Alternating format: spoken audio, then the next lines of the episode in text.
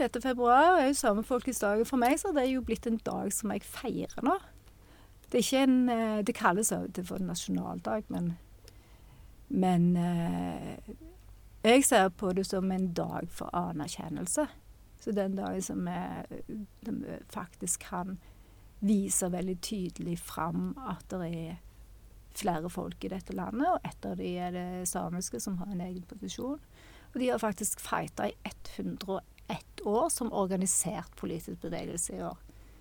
Og så er det kult at man gjør det på rådhuset i Oslo. Det sa Eli Skogarbø, professor ved Institutt for mediekommunikasjon på Universitetet i Oslo. Og navnet mitt er Arne Krumsvik.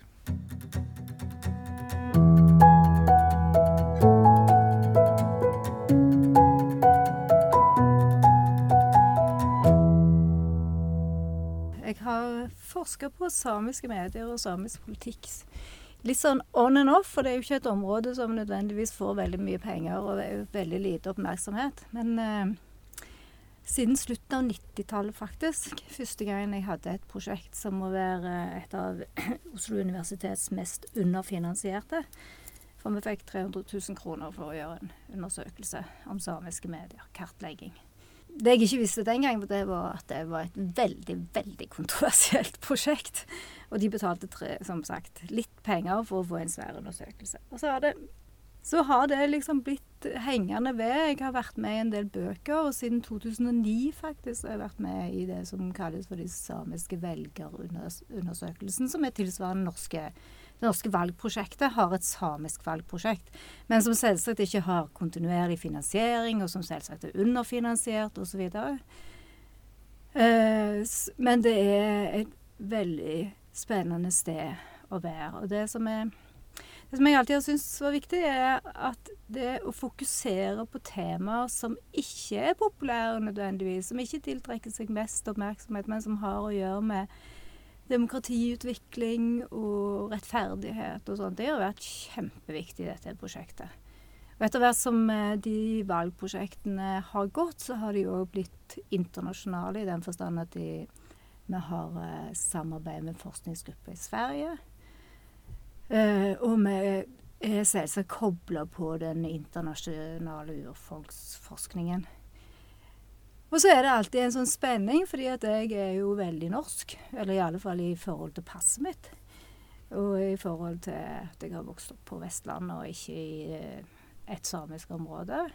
Men, og i disse prosjektene så jobber vi jo sammen. Det er jo et mål å få så mange forskere, som samiske forskere som mulig. Så det har jo òg vært en veldig sånn givende prosess. Det å så flytte flytte blikket fra et utenforblikk og til et innenfra-blikk. Eller i alle fall bli veldig utfordra på det at man ja, Jeg kan jo ikke samisk, annet enn at jeg kan forstå noen gloser og noen setninger og sånne ting. Eh, og det er det veldig mange samer som ikke kan heller. Men det er likevel sånn at når du forsker på et område der du går inn i en annen kultur, et annet språk, forsøker å forstå hvordan folk opplever det, så er det, det er en stor utfordring, og du blir veldig ydmyk av det. Og så, og så, i tillegg så opplever jeg at vi blir Det blir veldig, veldig godt tatt imot at vi forsker, og så blir resultatene våre veldig omdiskuterte innimellom. Og da tenker jeg at da gjør vi en, gjør vi en bra jobb. Altså Vi forsker ikke verken for den ene eller den andre, sånn, men vi forsker for at uh, samisk journalistikk, samiske medier, skal bli sett på som akkurat like viktige å forske på som, eh, som andre områder. Du nevnte at det aller første prosjektet var kontroversielt fra, fra begynnelsen av. Hva, hva som gjorde at det var kontroversielt? Det var kontroversielt fordi det var Sametinget som ønska å få, få et bilde av hva samiske medier var, eller er.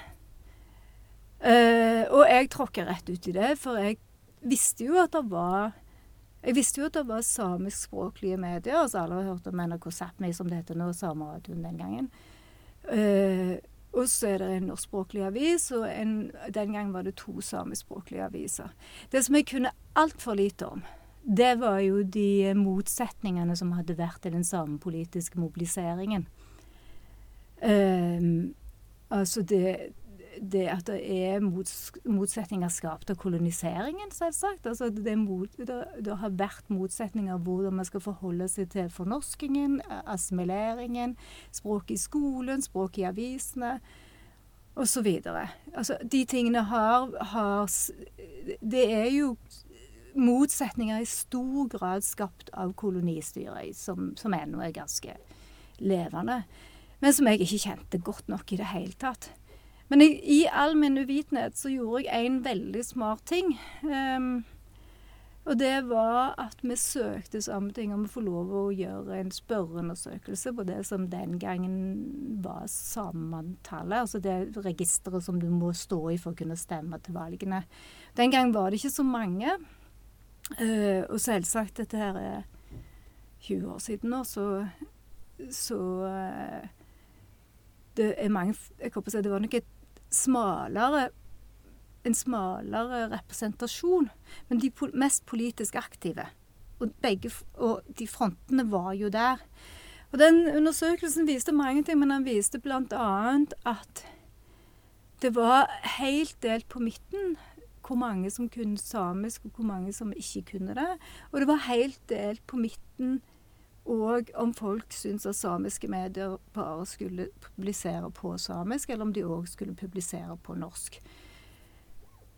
Sånn at når de, Og dette var som sagt, dette var folk sjøl som sa. Så det gjorde jo altså, det, tenker, det var en av de første gangene folk ble spurt om det. Og, og og det var et tallmateriale som var, som var pålitelig og godt. Så det Selv om jeg ikke helt visste hva jeg spurte om, og hvorfor jeg spurte om det, holdt jeg på å si, så, så var nok det en veldig god ting å få på bordet.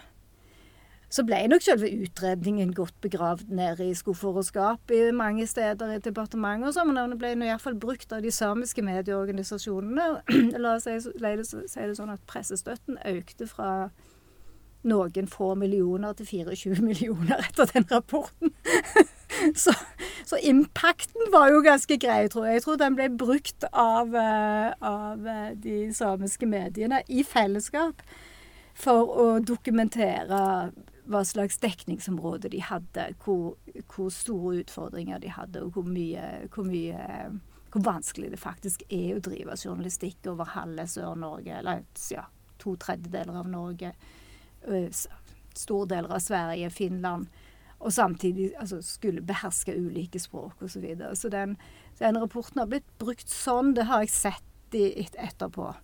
Men den var kontroversiell, og jeg tror han ikke, fikk ikke så veldig stor politisk innflytelse på den samiske mediepolitikken. Men det er greit, tenker jeg. Det er ikke Det er, ikke, det er sånn det må være, rett og slett. At man legger fram et dokument. Og kan noen bruke det, så er det jo bra, det.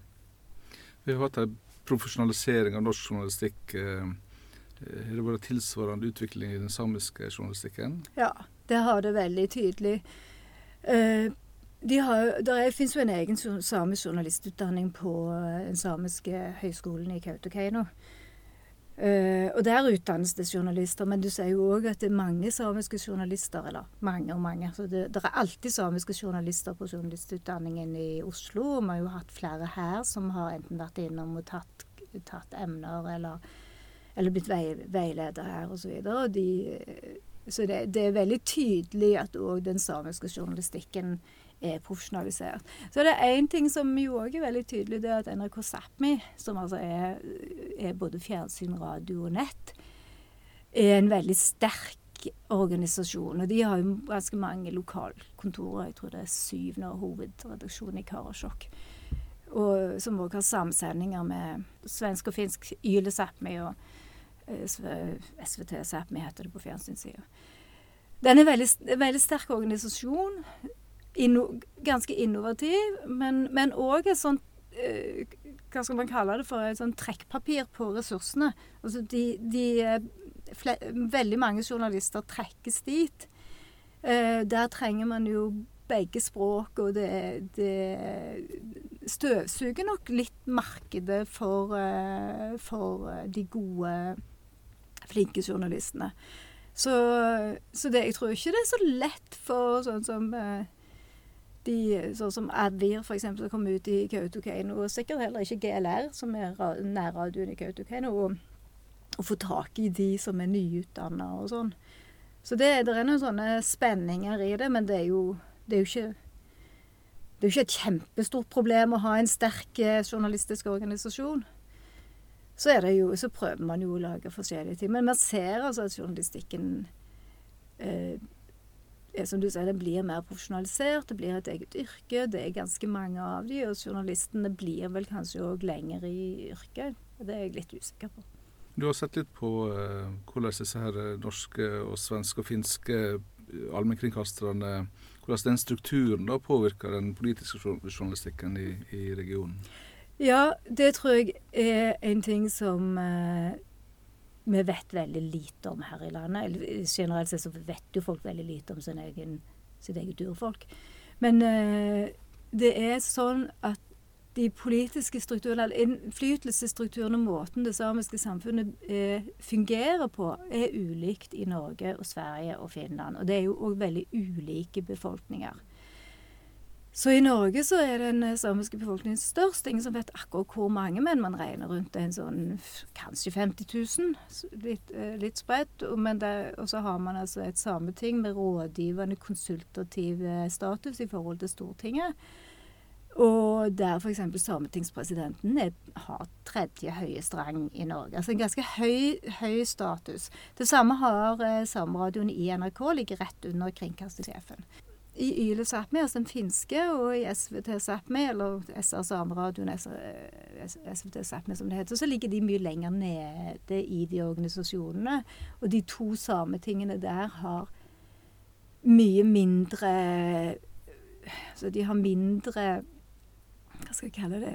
Makt på én måte. Altså de, de har ikke fått på plass nødvendigvis de samme, samme rådgivende eller rutinene for rådgivning, og det er mye mindre befolkninger.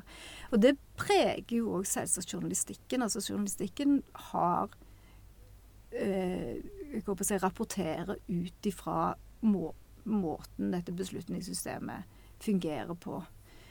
Vi har jo sett mest på, på rapporteringen rundt valg. Uh, og det har vi ikke, dessverre ikke fått med Finland, for det, ja, det, har rett og slett ikke latt seg gjøre innenfor de rammene vi har hatt. Uh, men i Norge, og, i Norge og Sverige, eller i under det norske og svenske valget, så ser man jo ganske, ganske store forskjeller på hvordan det rapporteres og hvordan det brukes osv. Kan du nevne eksempel på det? Ja, altså en av tingene som er veldig vanskelig å forstå når du er fra Norge, og du, det tror jeg gjelder om du er samisk eller norsk, det er at det svenske Den, den samiske politikken i Sverige er ikke prega av Den er verken prega av de samme skillelinjene som svensk politikk, altså høyre-venstre som i, i Norge, eller de samme skillelinjene som i norsk samisk politikk, som òg er ulik. Um, sånn at når du får journalistikk, så handler den så, så tar den på mange måter for gitt noen maktkonstellasjoner som du ikke kjenner. Og i Sverige så, har, så er en av de viktigste resultatene av si, svensk kolonipolitikk, det er at det har vært skilt mellom de som har vært knytta til reindriftsnæring, og de andre samene. Og de andre har i grunnen blitt utdefinert veldig lenge. Og det skiller partisystemet. Det må du vite. Altså, du må rett og slett vite at dette er en skillelinje, ellers så forstår du det ikke. Og Det ser du jo òg i journalistikken. altså at Når de snakker f.eks. om jakt- og fiske sammen, som var det partiet som på et sett og vis vant sametingsvalget i Sverige, altså det ikke, tar ikke rent flertall, så er det et av de partiene som står tydelig for en linje der de ikke aksepterer dette skillet mellom mellom reindrift og ikke reindrift. Har slåss veldig mye for at det skal være likere rettigheter og sånn. Og det ser du ikke så altså, Det er vanskelig å se se det i journalistikk, men det ligger der. Og det preger jo hvilke partier som får mest og minst oppmerksomhet. Men du kan altså ikke bruke noen av de kodene som du har fra verken svensk politikk eller norsk politikk. Du skjønner ingenting hvis du tror at du skal bruke riksdagsvalg eller stortingsvalg som en sånn kode for det. Så er det òg noen andre forskjeller. Det er jo at den svenske redaksjonen er mindre. Eh, og de ligner litt mer på svensk journalistikk òg. De, de, er åpenbart influert av litt sånn Oppdrag granskning-tenkning. Altså de, mm, de, har Blant de få oppslagene så har de flere, flere innslag som går på å granske politikerne, om de oppfører seg skikkelig, altså om de, om de gjør feil ting og sånn. Det er litt mindre utbredt i Norge. I Norge så er det mye, siden vi har valgt Ja, det hører med til historien at de svenskene har jo der er sametingsvalget på en helt annen dag enn alle andre svenske valg. Alle andre svenske valg er jo på én dag hvert fjerde år.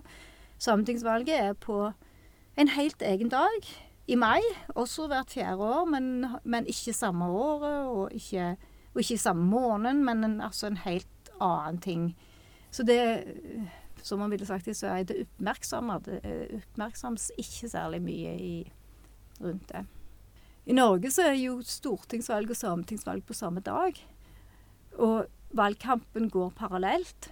Så jeg, selv om de fleste velgere som stemmer til stortingsvalget, sikkert ikke legger merke til at det er et sametingsvalg ved siden av, annet enn hvis du ser det i stemmelokalet eller noe sånt, så foregår de valgkampene parallelt. Her i Sør-Norge så ser ikke vi så mye til det. Men i nord så er, preger jo òg dette mediedekningen både i de samiske mediene, men òg i de norske mediene i mye, mye større grad. Samepolitikk er på godt og vondt et stridstema i hvert eneste stortingsvalg, og til dels i lokalvalgene i nord. Det ser ikke alltid like pent ut. Både Fremskrittspartiet og til dels fløyer i Arbeiderpartiet har jo profilert seg ganske mye på samme politikk de siste valgene. Indre stridigheter i altså mellom sametingsgruppa i Arbeiderpartiet og, og sametings... Og, og, og, det sentrale Arbeiderpartiet og mineralloven, altså gruvedrift, sånne ting, har, har uh, hatt store hatt Mye å si i nord. Og så har man jo òg det siste året så fikk man jo òg en splittelse i, i det samiske Arbeiderpartiet eh, lang historie, men som begynte med at, med at eh, det ble en såkalt parlamentarisk krise i Sametinget. Det skjer jo av og til. Som, som ble ledet av det som den gang var Arbeiderpartiets eh, presidentkandidat, men som siden ble ble en partisplittelse. Det er ikke det er, sikkert, det er, sikkert, ikke veldig kjent, men det var en, en helt standard jeg håper si, regjeringskrise, eller splitt, altså, mistillitsforslag i Sametinget mot den sittende. Og da fikk de jo ganske mye fikk ganske mye eh, drama rundt det.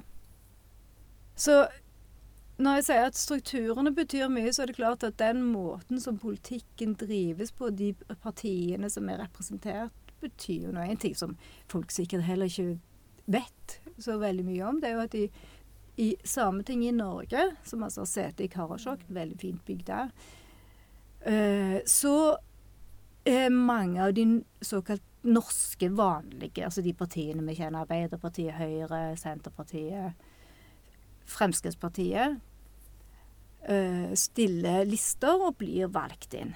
Så i år så Det er ikke alltid det, Arbeiderpartiet har tradisjonelt vært det nest største partiet i eh, Sametinget med Norske Samers Riksforbund som det største.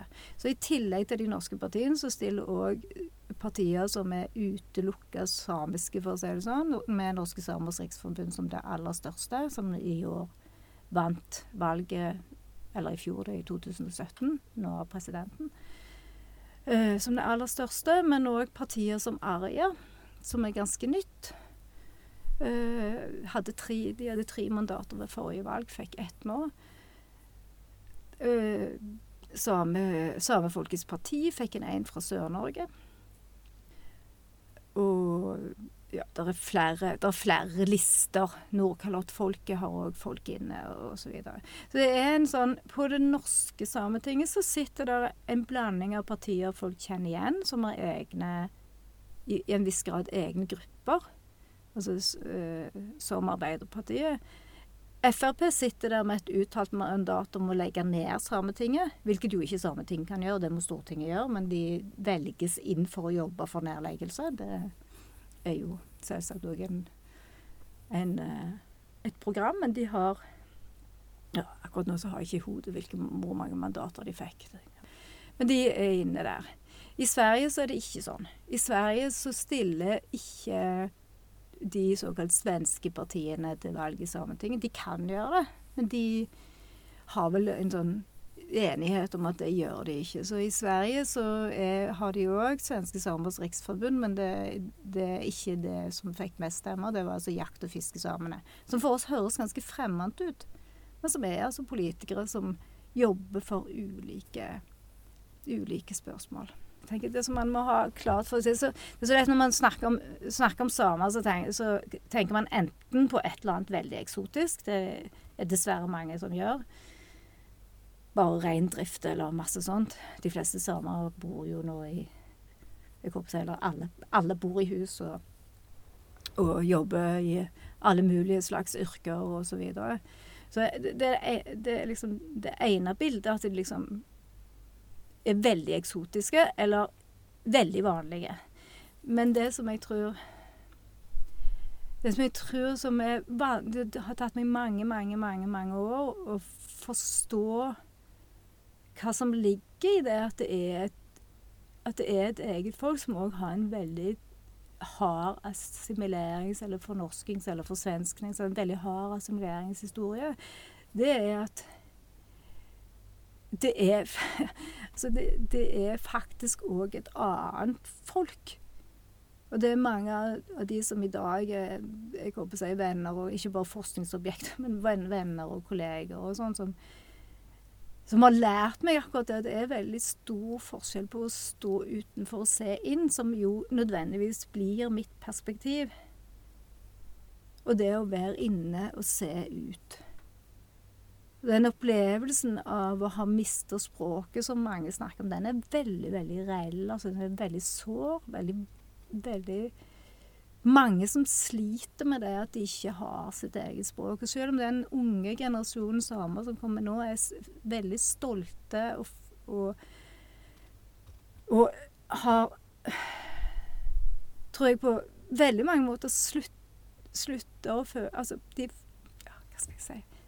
Det, det, er vanskelig å sitte og snakke om dette som majoritetsperson. Du blir veldig klar over at du, for å bruke det sånt, om man er hvit, og man er majoritetsforsker det er et enormt ansvar.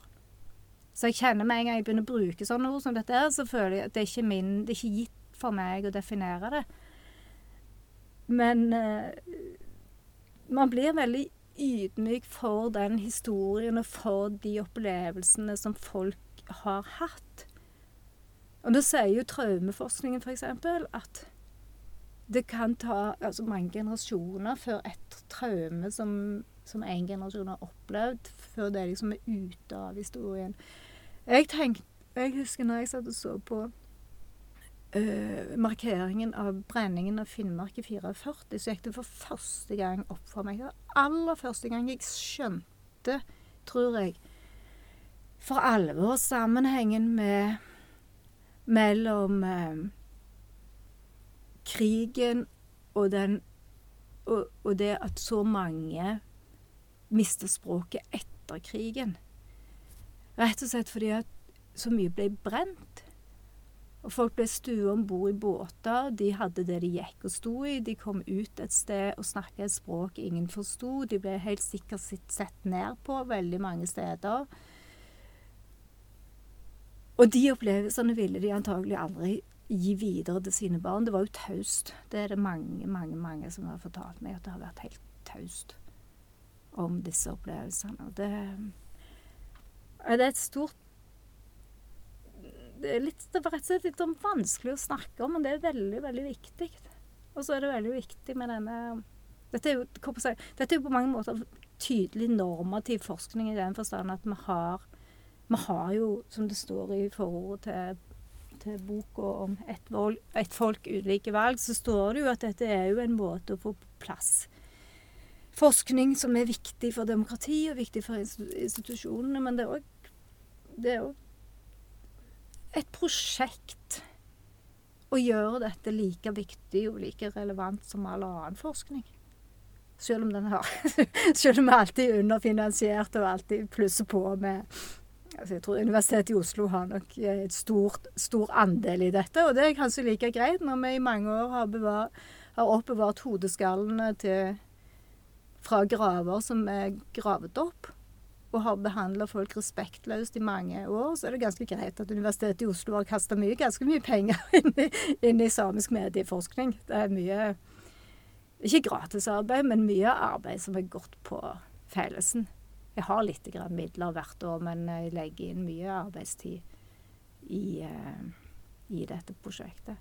Og jeg syns det er viktig òg fordi at det har med norsk altså det, det er, Dette her er en del av Kanskje ikke det norske, men altså av ja, staten Norges befolkning. Og som er kjempeviktig å vise og vi, ta på alvor. Syns jeg er Ja.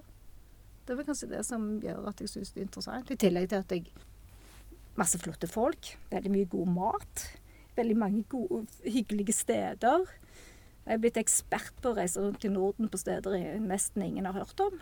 Bortsett fra de som bor der, selvsagt den tematikken som dere forsker på, er det tilsvarende det som forskere er interessert i f.eks. i Amerika eller i Australia? Så det er ikke sånn helt likt. Men det som er, det som er gjennomgående, det, det, er jo både Hva skal jeg si det, det, er to ting som er like, i alle fall. Det, det er det som har å gjøre med representasjonen av urfolk og minoriteter i majoritetsmedier. Det, der har vi helt sånn krystallklare forskningsfunn at det, det, er marginalisering som gjelder. Så, jo, så, begynner det jo å komme opp en litteratur om urfolksjournalistikk, og hvordan det er, og om det er en egen sjanger eller ikke. Den, eh, den har vel tatt utgangspunkt i mye i New Zealand og Canada. Eh, for der er det institusjoner, der er det allmennkringkastere bl.a. som, som eh, har enten som klar oppgave, eller som er bygd for, for eh, minoriteter og urfolk. Så der fins det en litteratur. Så det, det, er liksom den ene delen, altså den mediedelen av det. Den andre, mer sånn teoretiske inngangen, det er jo dette her Hva er, hva er effektene av assimilasjon og, og, og kolonisering? Og, altså dette med å ha være kolonisert på egen jord, for å si det sånn. Altså, den gangen jeg gikk på skolen og lærte om kolonitiden, så handla det jo så sett om at sånne land som Frankrike og England, eller til nøds Danmark Av og til hørte man om Tordenskjold Dro over havet til et eller annet sted, og så satte de ned flagget. Mens dette her er jo kolonisering på de territoriene man enten kommer til, som i USA, eller der det har vært flere folkegrupper veldig lenge. og Man snakker, man snakker liksom ikke om hvem som kom først, men at det har vært. Og den, den diskusjonen er, er, veldig lik. Altså hva slags effekter det har, hvordan det ser ut, hvor lang tid det tar før man Før majoritetsbefolkningen skal, skal si, slutter med ekstrem diskriminering og begynner med forsoning. Det er jo, det er jo en det er en gjennomgående erfaring som disse folkene har. Altså det er hard, tung assimilering. På det verste er det folkemord. Det, det man kjenner fra USA, bl.a., og Australia. Og på det beste så er det sånn som vi har gjort det i Norden, at vi bare har nekta folk å, å utøve kultur og språk, og har bidratt til ganske store traumer. Det er kanskje New Zealand og Norge er ikke så Eller altså Norden er ikke så ulikt der. Så de, de temaene er jo veldig like. Og så tenker jeg òg at det er veldig, veldig like erfaringer Altså de, de Hva skal jeg si De non-indigenous forskerne, som det sto i det skjemaet jeg fylte ut fra Australia, som jobber med disse temaene, jobber òg med de samme spørsmålene. Hvordan gjør vi dette her? Hvordan unngår vi de de tingene som forskere i tidligere tider har gjort seg skyldige i. Altså rasebil. Altså, hvordan unngår vi utenfra blikket denne white streaming, som er et eget ord for dette her. og sånn. Det er òg felles. Uh, så det er en god del diskusjoner som går på tvers av både land og kontinenter. Veldig tydelig.